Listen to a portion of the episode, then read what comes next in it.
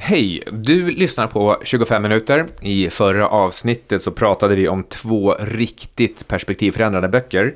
Eh, End of the World och How the World Works. Om du inte har lyssnat på det så gå tillbaka och lyssna på det. Det är ett viktigt avsnitt. Det är helt i temat med vårt Changing World Order, New World Order, Fourth Turning. Idag, ja, du lyssnar på 25 minuter. Ja.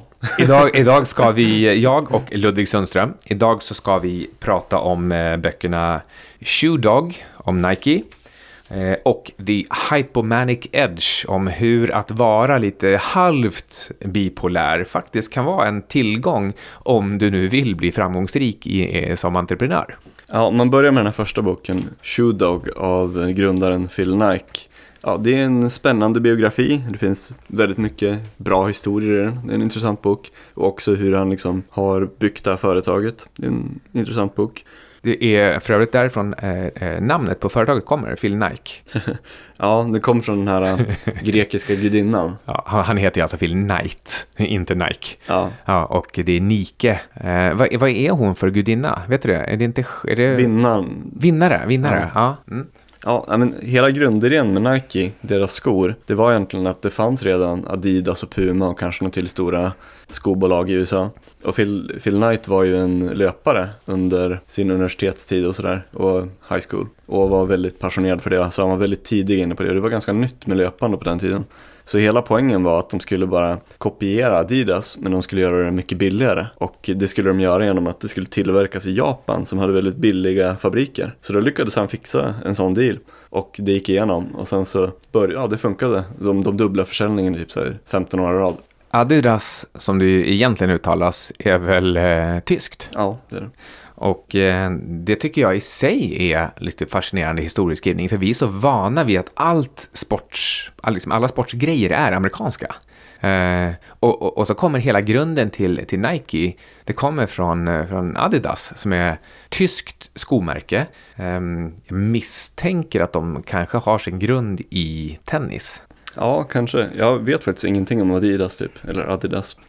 Men, men de var ju redan väldigt framgångsrika vid det här laget. Och eh, Nikes grundidé var bara att vi ska kopiera dem men göra det billigare. Så ska vi sno marknadsandelar från dem för att USA är en växande marknad. Och det är väldigt tidigt med löpande. Alltså jag minns reklamen från, det kanske var sent 80-tal eller tidigt 90-tal, när ehm, det var framgångsrika sportstjärnor som i så här, riktigt hetsig reklam, alltså lite typ, ehm, eh, och vad heter han nu då?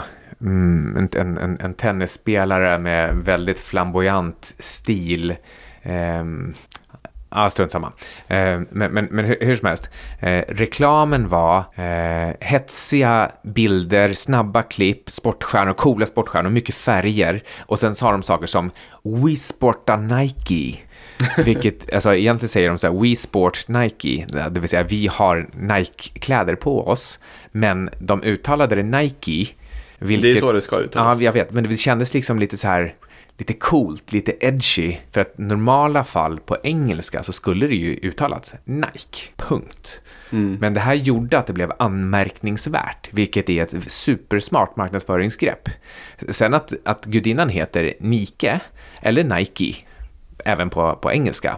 Eh, det är klart att det skulle uttalas Nike, men, men det var inte naturligt utifrån själva stavningen. Nej. Eh, En, en annan sak som slog mig också, det var, liksom, vad, liksom, vadå? Vadå började springa? Det blev populärt att springa. När började man springa? Ehm, det var inte så populärt att springa innan. Och därför behövde ingen tänka på springskor. nej, men jag ser framför mig såna här eh, suburbs, lyxiga suburbs med, med villaområden där det bor eh, IBM-anställda som går till, eh, till jobbet i sin kavaj och, och, och slips. De går inte hem, eller Mad Men, de går liksom inte hem och joggar. Utan det, det, det kom kanske någon gång i slutet på 60-talet. Och, och, och vi hade en liten diskussion här om att det kanske berodde på att det var då tv slog igenom så att man faktiskt kunde få, alltså man kunde se att andra joggar. Ja, så kan det ha varit alltså. Men Nike hade, alltså som jag sa innan, det var un- ungefär 15 första åren så dubblade de försäljningen varje år.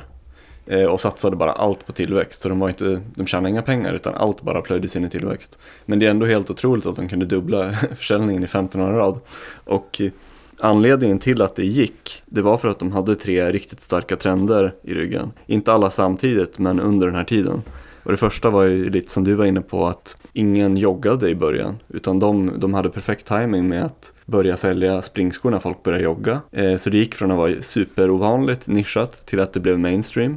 Och sen så var sportskor det var egentligen bara till för de som tränade löpning eller kanske tennis eller liknande till en början. Men sen så blev det typ en trend, säkert genom tv-reklam då, att alla möjliga personer till vardags började ha på sig sportskor, speciellt Nike. Och då blev marknaden mycket, mycket större. Och sen som tredje grej så var det ju att sport i allmänhet blev mycket, mycket mer populärt att kolla på via tv. Eh, inte minst eh, Olympics och sådär, och VM. Och eh, Nike var ju väldigt duktiga på att signa atleter som typ Tiger Woods, Michael Jordan, Michael Johnson och ja, många fler. Så när de, alla de där kända atleterna hade Nike-skor under de här stora tävlingarna, då var det ju fler som ville köpa Nike. Ja, så uh, total addressable market, den expanderar ju enormt när man fick folk att inse att uh, men jag vill ha såna här skor. Jag, jag kanske har dem på fritiden, jag kanske har dem när jag springer, jag kan, liksom, men liksom, jag vill ha Nikes, för det är det bästa. Det är värt att betala Alltså, när folk började lägga 1000 kronor istället för 100 kronor per sko, det var någonting helt epokgörande. Det, det gjorde att till och med, det fanns en, en, en eh, komisk serietidning som hette Mad. Ja. Mm. Eh, den tog upp att eh, folk blev rånade när de var ute och joggade. Och så sa de, liksom at, gunpoint, så sa de, men jag har ju ingenting, give me your Nikes. För det var, ju, alltså det var ju mer värt än vad en, en snittperson hade i plånboken eller liksom klockan eller någonting. Liksom, give me your Nikes. Um, men just det, jag, jag, tänkte på en annan sak här, så jag kommer, kommer ihåg vad det var för någonting. Um, jo, just det. När du sa att den dubblade omsättningen typ varje år i 15 år, då bara liksom, satt jag här och tänkte 2 upp till 15, det är ju 2 upp till 5 tre gånger om. 2 upp till 5 är 32, 32 upp till 3, det är ju liksom 30 000.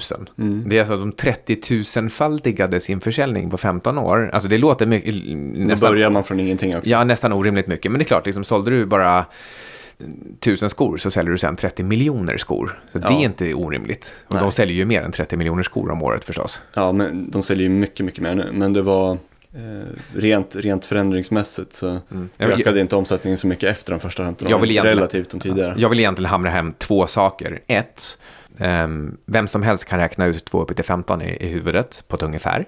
Två, att dubbla saker, några, ja, men inte jättemånga år, då, då, eh, då kommer man extremt långt. Man kommer mycket, mycket längre än man tror. Det här är, liksom, det här är en ganska klassisk Eh, idé om att vi har svårt att tänka exponentiellt. Vi fattar inte hur mycket det är. Vi fattar inte att 15 års dubblingar är 30 000 gånger så mycket. Men nu fattar vi. Ja, och det var nog inte så många, och som man också säger i boken, det var inte så många som trodde att det skulle gå heller. Utan han, Phil Knight, grundaren, han var en av de ytterst få som trodde att det här var möjligt och hela tiden trodde att det skulle fortsätta växa och bara återinvesterade hela tiden och bara tog lån och lån och lån från banker på en tid då det var svårare också. Eh, och sen så var de också först in i Kina, vilket var en ny stor marknad. Någonstans här så finns ju också en dold story om alla som misslyckades. Ja, det var, det var han tog väldigt mycket risk. Ja, men så det är klart att det finns massor med skotillverkare som liksom, ja, men, kanske inte försökte på samma sätt, men, men liksom struggling shoemakers som, som trodde att vi kan väl sälja skor, vi har bra skor. Jag, jag lovar att det finns massa tillverkare som, som eh, tog isär Nikes skor och såg att det var dålig kvalitet och satt på sina styrelsemöten och sa vi kommer ju vinna för vi har mycket bättre kvalitet och lägre, och, och lägre pris. Det är bara problemet att vi har inte Michael Jordan. Mm. Ja, det är en sjuk eh, success story. Men boken är intressant i alla fall. Så ja, tips att läsa boken, den är bra och intressant. Eh, om vi sen går vidare till nästa bok här, The Hypermanic Edge. Då är det en bok som eh, Ja, det är en väldigt intressant bok som förklarar varför diverse entreprenörer, speciellt stora upptäckare och religiösa figurer, men också även vissa vetenskapsmän har drivits till att göra stordåd och det är för att de har varit så kallade hypomanic eller som den vetenskapliga benämningen är cyclothymia. Du sa ju att du framförallt tyckte att boken var bra för att det är, det är sju spännande anekdoter.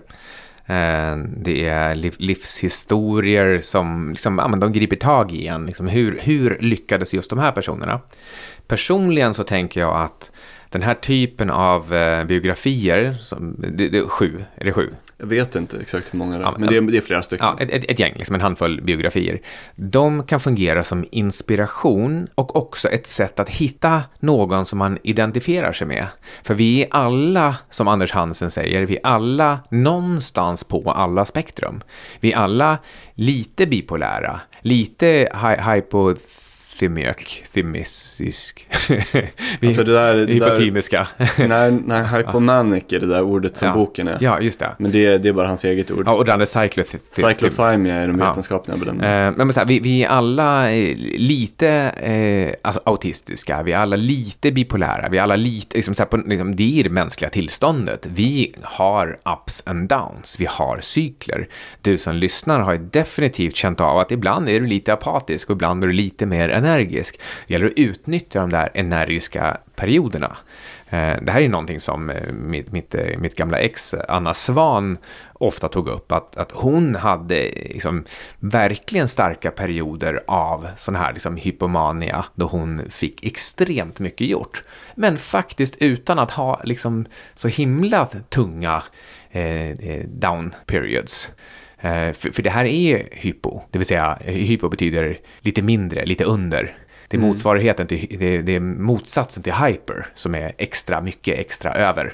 Ehm, men, men eh, det det verkar ändå som att många eh, ehm, som är hypomaniska, de, de har en nettofördel av sina maniska perioder jämfört med sina liksom, lite mer liksom, downs. Ja, det är det som så här, en, om en, en vanlig person är ganska väljusterad i humöret och har kanske inte jättemycket upp och ner perioder utan ganska stabil. Sen en person som har sån här cyclothymia, då har du typ bara, ja du, du har vissa sådana här äh, maniska, halvmaniska perioder men de kanske inte pågår jättelänge. Och, men det viktiga är att du slipper den där långa depressionen som folk som har bipolär 1 eller 2 har. Eh, och det är då man kanske tar medicin då och sådär. Eller behöver det för att det kan vara det kan vara svårt att ha ett vanligt liv. Men om du har den här cyclothymia då, som boken beskriver det, då har du i princip bara fördelen, men inte så mycket av nackdelen. Så det är som ett evolution, det är en evolutionär fördel typ. Men utöver det så är många av de här personerna eh, som boken beskriver, de har ju varit väldigt riskbenägna och eh, väldigt optimistiska och lyckats med en massa sjuka grejer. Alltså det är ju ex- extrema personer verkligen som är med. Eh, Kan du inte berätta om några av dem? Jo, men no- några personer det är Christopher Columbus, eh, Alexander Hamilton, Andrew Carnegie, Craig Venter, eh, Joseph Smith. Ja, men så det här är ju helt sjukt. Christopher Columbus, han eh, grundade USA. Ja, grunda, grunda, hittade det. ja, men typ, precis, han hittade USA. Eh, Craig Venter, han hittade det eh, liksom mänskliga genomet, alltså hela vår arvsmassa. En priva- en privatperson gjorde det. Han sprang om eh, statliga initiativ liksom på Mm. ett år efter att de hade haft 15 års försprång. Mm. Ehm, Genom att bygga supereffektiva datorer som specialiserade sig på enbart liksom genome eh, transcription. Ja, Hamilton, Alexander Hamilton, ja men vad gjorde han? Ja men okej, han grundade USA. Ja, han, han det så kan man säga. Carnegie, okej, vad gjorde han då? Ja, han, han grundade stålindustrin som vi har pratat om i förra avsnittet, är, liksom, ligger till grunden för all ekonomi. Mm. Mer eller mindre. Alltså, han, han tog över den, han monopoliserade liksom, stål. Ja, un, Och, och, under den och, bro, och, viktigaste bro, och, perioden. ja, det var, brobyggen, stål, ja. ja, då alla järnvägarna skulle byggas. Ja, så, så, så eh, liksom, de här personerna som tas upp i boken, de är ju ouppnåeliga. Alltså vi, vi har ingenting liknande. Så JP Morgan la grunden till, amerika- till modern bankindustri. Ja, sen är det alla de här judefamiljerna som skapade Hollywood också. Ja, Med MGM och så vidare. Det, Men- det står en massa om dem i ett kapitel också. men, men det här är ju så, det är så extrema personer. Det är svårt att ta till sig, tänker jag. Alltså, eh, varför, finns inte, varför finns, finns det inte en Ludvig Sundström och en Carl Michael Syding med i den här boken? Ja. Sen var det också Joseph Smith som var grundare av mormonerna. Ja, men eh, det- nu har ju inte jag läst boken. Är det stort? Jag vet inte hur stort mormonerna är. Ja, de var väl rätt tror jag. Mitt Romney är mormon. Okej, ja, nästan president. ja. det, mormonerna är för övrigt antagligen världens mest framgångsrika befolkningsgrupp. Så de har ju uppenbarligen, även om de har en konstig religion, så skapar de ju de mest ekonomiskt framgångsrika medborgarna. Det är Mhm. typ de och sen är det judarna. Har du någon tanke om det? Liksom någon förklaring? Alltså så här, vad, vad i deras märkligt asketiska livsförhållningssätt gör att de blir duktiga? Eh, Jag har inte superbra koll på De är bra på allt de har. samarbete. De har Men det- liksom stark familjehållning. Ja, men jag, jag tror det har att göra med att de, alltså det är extremt tydlig eh, könsfördelning. Så att männen ska fokusera på att tjäna pengar och sen om de, de som lyckas väl får ha så många kvinnor som de vill. Mm. Då är det starka incitament att tjäna mycket pengar. Jag kommer spontant att tänka på en eh, tv-serie som heter Banshee. Man kan ju tro att det är något övernaturligt. Alltså typ Banshees, våldnader. Men, men eh, det här är en eh, liten ort som heter Banshee, där det finns massa mormoner. Och dit flyttar också en falsk polis. Han, bara, han råkar bli eh, sheriff i den här, i den här stan. Eh, extremt våldsam, mycket underhållande och sen eh, en, en lite speciell take på just de, lo, de lokala mormonerna. Ja, okej. Ja, den här Joseph Smith i alla fall, han var ju, ja, som man, lä- om man läser den här boken, han var väl antagligen lite, utöver att han kanske var sån där uh, hypomanic och sådär, så var han nog antagligen lite sinnessjuk. Men han, han- och en charlatan, som de flesta religiösa ledare. Alltså jag är inte jätteförvånad att en eh, hypomanic charlatan är grundare till mormonerna. Nej, men det är kul att ändå att trots att han kanske var galen så skapade han ändå en rörelse som gjorde att Ja, som har funkat oerhört väl i kapitalistiska samhället. Som sagt, mormonerna är de mest framgångsrika i kapitalismen. Ja, alltså det närmaste eh, mormonerna vi kommer i det moderna samhället det är väl finanskursen kanske. Där har vi ju oerhört framgångsrika personer som, eh, som, som eh, eh, lär sig grunderna till hur man faktiskt värderar saker och hur man gör en riktigt grundlig analys av en, eh, en verksamhet och förstår vad den faktiskt är värd. Eh, sen ovanpå det så gäller det också att ha ett extremt tålamod för att vänta ut att det man har eh, värderat och förutspått också manifesteras i verkligheten. Mm. Tålamod är det svåra. Ja, det, jag misstänker att mormonerna... Vad, vad, vad väntar de på egentligen? De, det är en religion, eller? Mm. De, de tror på någonting. Vet du vad de tror på? Ja, jag kommer inte ihåg allt nu.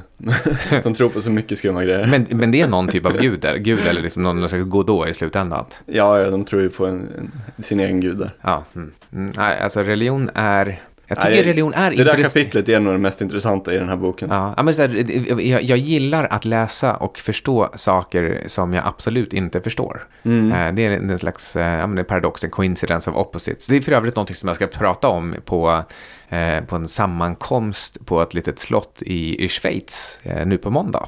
Ja, när vi släpper det här. Nej, eh, det här är ytterligare senare. Eh, Den 26 september så ska jag vara på det här chalet i, eh, i, i Schweiz för att jag blivit ombedd helt enkelt att komma och ja, berätta om min syn på livet, universum och allting. Ja, kul för dig. Ja, jag tror inte att de är mormoner. Eh, däremot så har de eh, byggt sina, sin världsåskådning på något som heter The Voynich Manuscript. Som är Det känner jag inte till. den här är inte jag heller sedan tidigare. Det är en bok från 1420 som ingen har lyckats tolka. Den är alltså svårare att tolka än, än egyptiska hieroglyfer. Den innehåller massa märkliga bilder på vad som verkar vara biologiska företeelser, varelser och, och växter. Det är text som man kan analysera och se att det är ett naturligt språk, inte fejkat. Men det går inte att förstå vad det står. Så hela den här gruppen bygger på idén om universums outgrundlighet. Och då tänkte de att det var rimligt att ta in eh, Carl Michael Syding som keynote speaker i just det sammanhanget. Är de kopplade till alkemisterna på något sätt? Det hoppas jag. Det låter så. Ja, okej. Ja, ehm, sen en sista sak om den här boken. Det är, som sagt, det står jättemycket och det blir lite konstigt att sammanfatta det i ett podcastavsnitt när det är så här biografiska avsnitt. Men eh, rekommenderar starkt boken för den är så intressant. Eh, och ovanlig. Det är, det är en av de mest välresearchade så här, biografiska böckerna jag läst. Eh, men som sagt, en huvudpoäng där från boken det är att Eh, det är mycket sannolikt att anledningen till att amerikanerna har en så konstig kultur och de är liksom så här over the top och ja, alla som har träffat folk från USA vet och att de liksom så här, allt är så vi svenskar är ju väldigt så här tillbakadragna och lite så här neutrala medan de är väldigt over the top och säljiga och allt möjligt. Och anledningen till det, det är för att eh, de hade så väldigt många invandrare som var väldigt bra invandrare från hela världen och folk som var väldigt riskbenägna och ville skapa något nytt. Eh, och det var ju hela den här långa resan till USA som var väldigt riskabel och svår. Så det var ju bara antagligen de mest riskbenägna och drivna personerna som ville komma dit. Och också de som kanske var överoptimistiska eller till exempel hade genetiska förutsättningar för att ha det här eh, hypomanic edge eller ja, cyclothymia då. Tänk om du bodde i eh, Irland eller Sverige, eh, sent 1800-tal. Det var, liksom, du hade tur om du fick tag på potatis. Liksom, då, då var du nästan rik om du fick äta potatis. Du vet ingenting om geografi, historia, politik egentligen. Du vet bara liksom ditt lokala lilla samhälle och du vet att du svälter så in i. Eh, men du har, du har sett eller hört någonstans att du kan åka till USA, Amerikat. Amerikat. Eh, och du är en av fyra i Sverige. Jag tror 25 procent av Sverige är utvandrade. Um, Eh, den här fjärdedelen som är helt galen, som bara desperat och galen. Jag kan inte vara kvar här. Jag svälter här. Jag sätter mig hellre på tydligen en båt över en omöjlig distans över vatten som jag inte ens förstår. Alltså, kan ju tänka att du, du förstår ju ingenting 1865 av hur världen ser ut eller fungerar. Men du sätter dig på den här båten. På den får du knappt mat eller vatten. Du kräks. De runt omkring dig dör. Eh, och du är en av dem som ett, tog beslutet, två, faktiskt lyckas överleva i den här omöjliga miljön. Och sen kommer du till USA och där blir du utnyttjad, slagen, eh, du tvingas leva som prostituerad. Så på alla sätt så är liksom ditt liv är helvetet på jorden. Eh, och sen ändå så lyckas du prevail. Alltså du blir en av dem som faktiskt lyckas om du liksom inte dör det där, de där första tre månaderna. Jag förstår att det är en extremt speciell genetisk pool. Ja, precis. Det blir en väldigt stor urvalsprocess. Det, det, är, det, är, ett bra argument om man läser det. Det är nästan första gången eh, liksom på 10 000 år som vi har en, ett, ett, liksom ett genetiskt urval igen. Mm. Undrar om vi får fler sådana. Alltså att vi faktiskt eh, sållar lite i befolkningen och släpper fram, eh, systematiskt släpper fram eh, nya genvarianter. Liksom, ja, kanske om 50 år eller någonting. Men det, tills vidare så är det ju där ganska förbjudet. Ja, Ehm, men då har vi kanske lyssnat på 25 minuter, eller hade du mer? Nej, inte så mycket mer. Utom att rekommendera de här två böckerna som är intressanta. Ja, eh, och glöm heller inte att kolla in på eh, finanskursen. Vi drar igång den 2 oktober. Du har precis chansen att haka på den här omgången. Mm, eller så dröjer det minst sex månader till. Ja. Bra, tack så mycket för oss. Mm, hej då.